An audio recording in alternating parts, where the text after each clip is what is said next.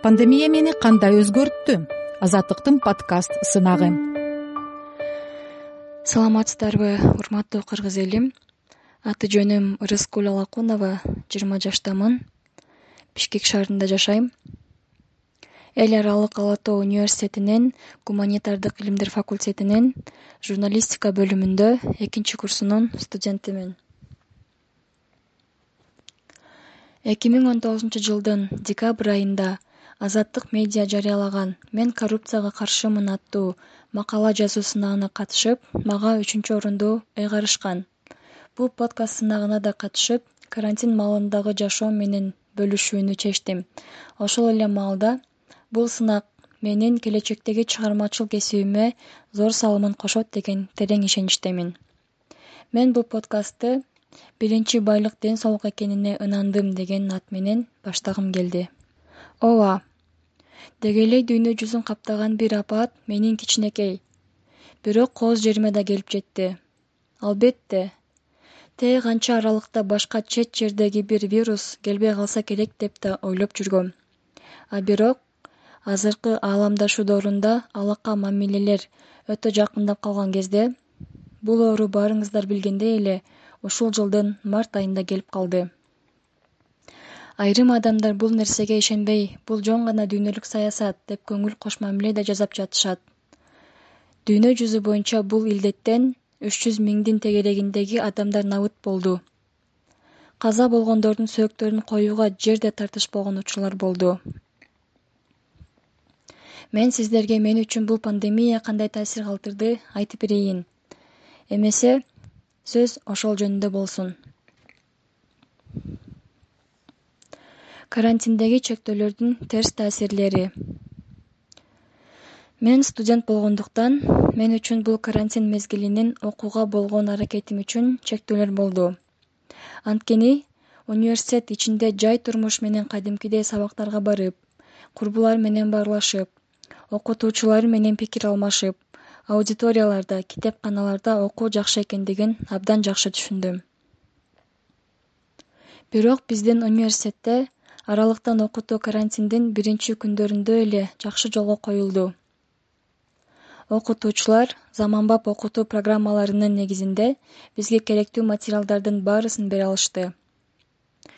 Ошентсе да мен үчүн лабораторияда айрым бир профессорлор менен көзмө көз дидарлашып сабак алууну самадым. Учурдан пайдаланып эл аралык ала тоо университетинин окутуучу курамына чоң ыраазычылыгымды билдиргим келет себеби бизди керектүү маалыматтар менен тынбай камсыз кылышты. Алардын жардамы менен мамлекеттик сынактарды да ийгиликтүү тапшырдык. Сабактан кийинки учурларда ар түрдүү кружокторго курстарга бара албай калдым. Айрыкча бишкек шаарынан жаз мезгилинде курсташтарым менен досторум менен сейилдеп баарлашканды сагындым да эңседим бул кыйын кезеңде эркиндик кандай гана баалуу экенин түшүндүм. Бул учурда мен кээ бир эркиндигинен ажыраган адамдардын абалын сездим. Көрсө азаттык бул эч нерсеге тең келгис байлык да бакыт да экен.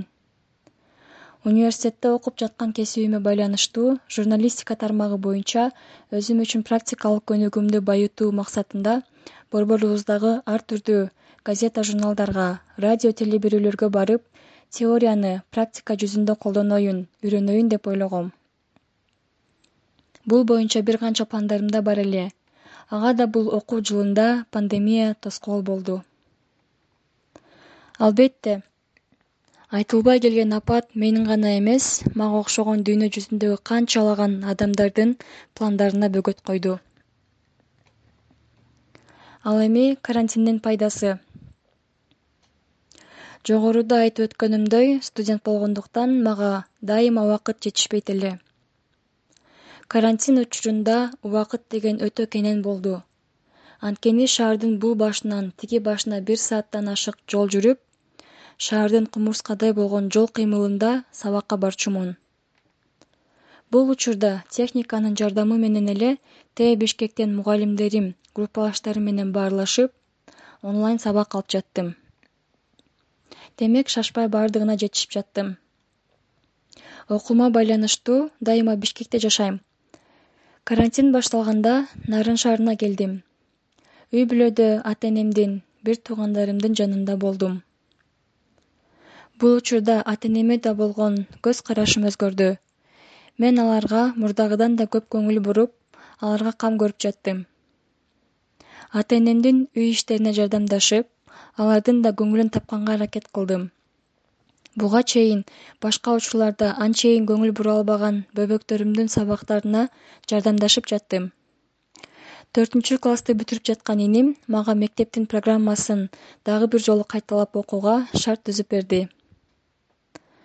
Бош убактымда бөбөктөрүм менен болгонго аракет кылып жаттым. Интернет аркылуу кесибиме байланыштуу көп маалымат алууга да жетиштим ошол эле учурда республикалык штаб өткөрүп жаткан өкмөт үйүндөгү брифингдерди интернет айдыңындагы бул дарт тууралуу маалыматтарды бирисин да өткөрбөй окуп жаттым. Бул илдет тамырын кенен жайып баштаганда гана ден соолук биринчи байлык экенине жана аны акчага сатып алуу мүмкүн эмес экендигине көзүм жетти. Эң жакшысы убакыт кенен болгондуктан көп китеп окуй алдым жана тазалыкты так сактоого үйрөндүм. Мындай апаат болуп жатканда медициналык кызматкерлердин журналисттердин комендатуранын милиция кызматкерлеринин жана блокпосттордо турган адамдардын эмгегин аябай бааладым. Себеби бишкек шаары жана өлкөбүздүн айрым областтары пандемиянын очогу болуп абал курч болгонуна карабастан алар ден соолугун тобокелге салып тозоктун кыл көпүрөсүндө жүрүп элге кызмат кылып жатышат. Врачтар кызыл зонада ооруга чалдыккандар менен иштеп журналисттер элге так маалымат жеткирип ошол эле маалда коронавирус тууралуу ар кандай фейк маалыматтар менен да күрөшүп жатышты. Мен да өзүмдү ушундай профессионалдуу эл камын ойлогон журналисттердин катарында көргүм келди блокпостто турган адамдар ысыкка күйүп суукка тоңуп милдеттерин так аткарып жатышты. Ал эми комендатура менен милиция кызматкерлери өлкөдө болуп жаткан кырдаалга байланыштуу элди тартипке салып жатышты. Бирок албетте баардыгы жипке тизген шурдай болгон жок. Тартипти бузуп ызы чуу салып санитардык эрежелерди так аткарбаган жарандарыбыз жогорудагы кызмат кылган адамдардын шайын аябай эле кетирди кээ бир адамдар коменданттык сааттын эрежелерин эске албастан көчөгө басса кээ бири мекенине болгон жек көрүү сезимдерин ачыктан ачык эле көрсөтүп койду. Жыйынтыгында замандаштарым келгиле ачык сүйлөшөлү. Чынын айтсам мага мындай чектөө жаккан жок. Андан калса бул коркунучтуу дарт канча адамдын өмүрүн алып кетти адамдар бул апаатта көп нерсени баалоону үйрөндү. Айрыкча адамдын керт башындагы эркиндик же жай турмуштун баркын билүү эң маанилүү экен. Азыр дүйнө жүзүндө дарттын вакцинасын иштеп чыгуу үчүн окумуштуулардын арасында жарыш жүрүп жатат. Белгилүү инсандар актерлор ырчылар бизнесмендер вакцина үчүн миллиондогон долларларды сунуштап жатышат.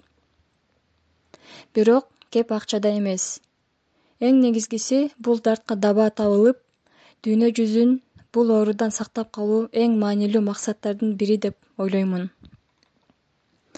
Келгиле бул ооруну ынтымак тартип тазалык жана сабырдуулук менен жеңели. Пандемия мени кандай өзгөрттү?